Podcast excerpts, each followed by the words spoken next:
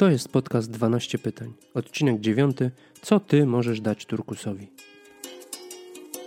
Cześć, nazywam się Przemek Karczewski i witam cię w podcaście 12 pytań, w którym będę starał się zainspirować cię do refleksji nad sobą, swoją świadomością oraz możliwościami i wyzwaniami, jakie wiążą się z turkusową transformacją ludzi i organizacji. Dużo o turkusie mówi się z perspektywy organizacji, menadżerów czy jej liderów, natomiast dużo mniej y, z poziomu zwykłych pracowników, czy każdego z nas.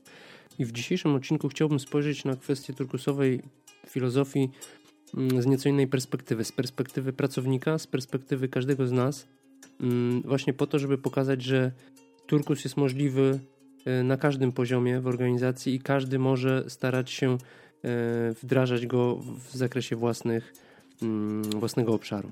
Jednym słowem będzie o tym, jak, mówiąc kolokwialnie, można robić turkus 5 metrów dookoła siebie. Zapraszam do wysłuchania odcinka.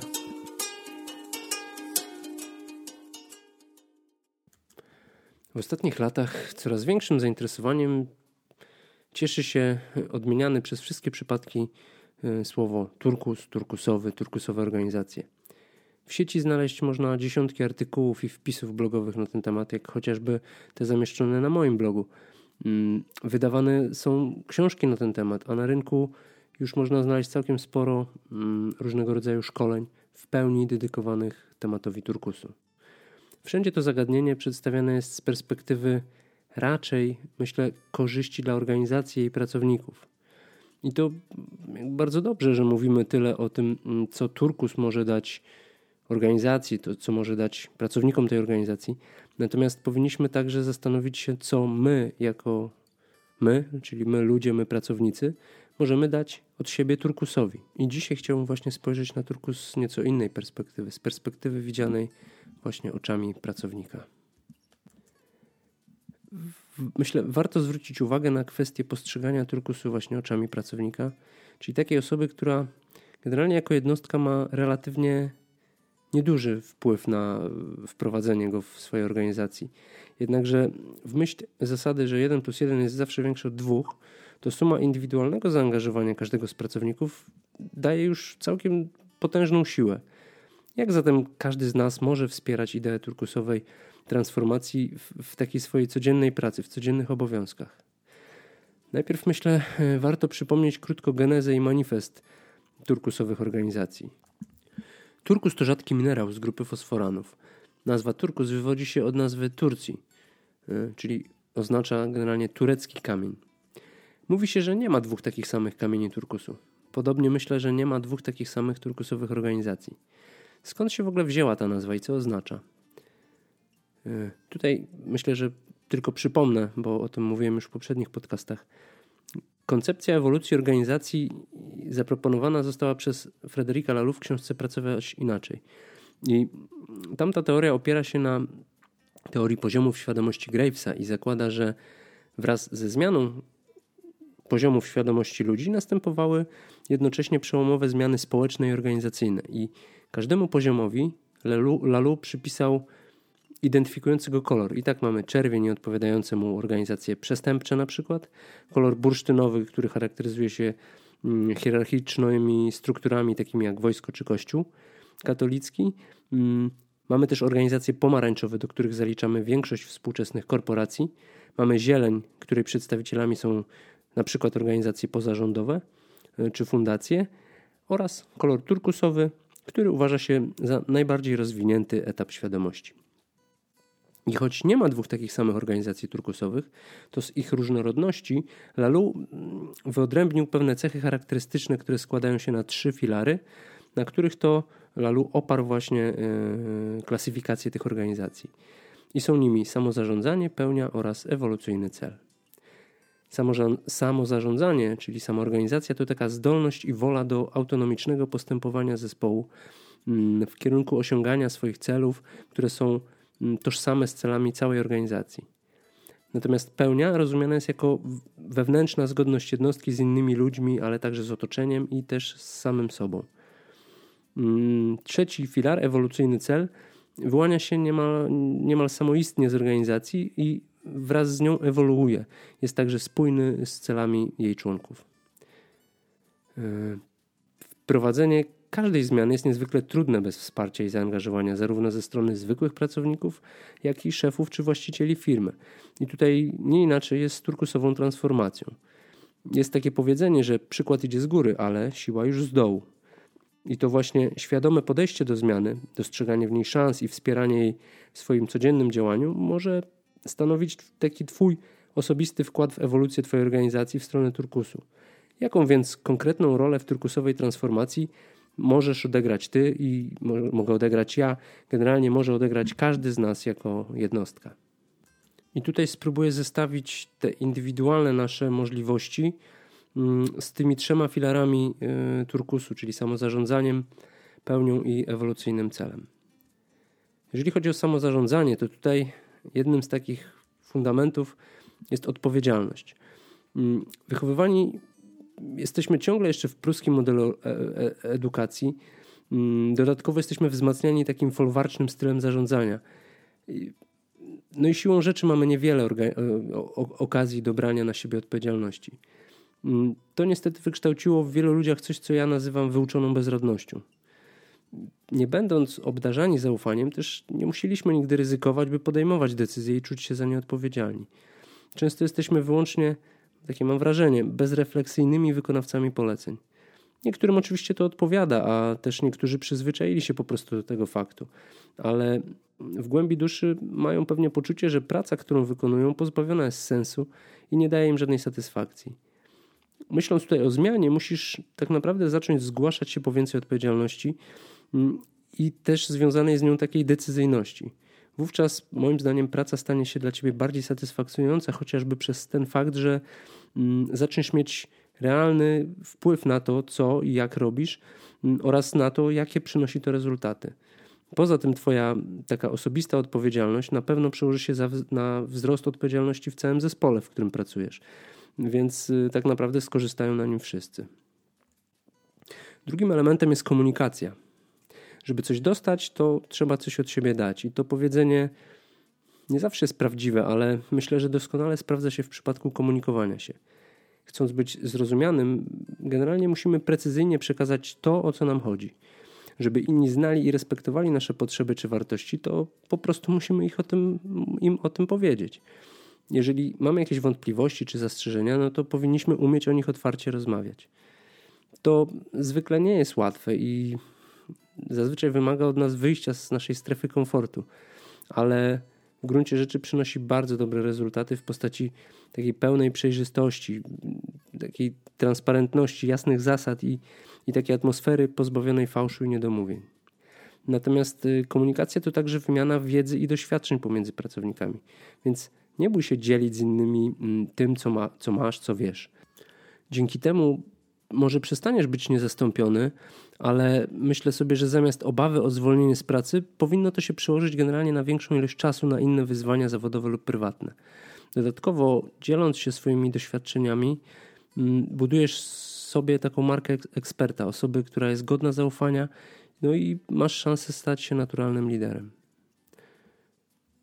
Kolejnym aspektem w kontekście y, samozarządzania, samoorganizacji jest y, kwestia zaufania. I tutaj obdarzaj zaufaniem swoich współpracowników i przełożonych. Takie zakładanie z góry, że ktoś jest nieuczciwy, jest błędem tak samo jak to, że wszyscy na przykład Polacy to pijacy. Tym bardziej, jeżeli bez jakiegoś konkretnego powodu komuś nie ufasz, to gdy faktycznie zasłuży na to przekonanie, ty po prostu dalej mu nie będziesz ufać. Wychodzi na to, że dając kredyt zaufania możesz tylko zyskać. Praca z ludźmi godnymi zaufania jest dużo bardziej komfortowa i wydajna, dlatego że nie poświęcasz swojej energii i czasu na takie budowanie okopów, na, na, na zabezpieczanie się przed nieuczciwością. E, kolejnym obszarem, w którym możesz budować turkus, jest inicjatywa. Zgłaszaj inicjatywy, zgłaszaj pomysły, ale też zgłaszaj problemy z propozycjami ich rozwiązania. Często właśnie to ty jesteś tą osobą, która posiada największą wiedzę na temat pracy, którą wykonujesz. Po prostu jesteś ekspertem w swojej dziedzinie. Inni mogą nie mieć pojęcia, że coś można zrobić inaczej, szybciej, taniej czy, czy, czy bezpieczniej. Być może nie wszystkie Twoje pomysły zostaną zrealizowane, ale każde nawet małe, jakieś małe usprawnienie to jest Twój wkład w rozwój firmy i też powód do ogromnej satysfakcji. Dzięki temu kształtujesz taką swoją mm, pozycję, pracę i też budujesz zaangażowanie u innych. Y, bardzo istotna w kontekście samozarządzania jest też nauka na błędach. Mm, generalnie doświadczenie buduje się przez działanie. I działając, popełniamy błędy. To jest całkiem normalne. Nie myli się przecież tylko ten, kto nic nie robi. Mm, jak powiedział Winston Churchill, sukces polega na przechodzeniu od porażki do porażki bez utraty entuzjazmu. Nie bójmy się więc działać. Podejmujmy ryzyko i wyciągajmy wnioski z porażek. To oczywiście wymaga od nas odpowiedzialności, o której mówiłem wcześniej, ale dzięki temu stajemy się wybitnymi specjalistami w swojej dziedzinie i tą wiedzę będziemy mogli też przekazywać innym. E, powszechnie wiadomo już, że w dłuższej perspektywie zbiorowa mądrość jest bardziej skuteczna niż najlepszy, nawet indywidualny geniusz. Wiedza na temat funkcjonowania zespołów y, potwierdza, że te, które są najbardziej efektywne, wcale nie są złożone z wybitnych jednostek. Natomiast to, co wyróżnia te zespoły, to właśnie taki zespołowy proces podejmowania decyzji, który bazuje na konsultacjach i dyskusjach. Branie na siebie odpowiedzialności nie wyklucza konsultacji przed podjęciem decyzji. Dlatego pytaj, rozmawiaj z innymi, aby mieć szerszą perspektywę i móc spojrzeć na problem od innej, nieznanej ci dotąd strony. Dzięki temu Twoje decyzje czy wybory będą, powinny przynajmniej uwzględniać więcej aspektów, przez co mm, no, jest duża szansa, że staną się trafniejsze. Drugim filarem, w którym masz tak naprawdę bardzo dużo do powiedzenia, jest pełnia.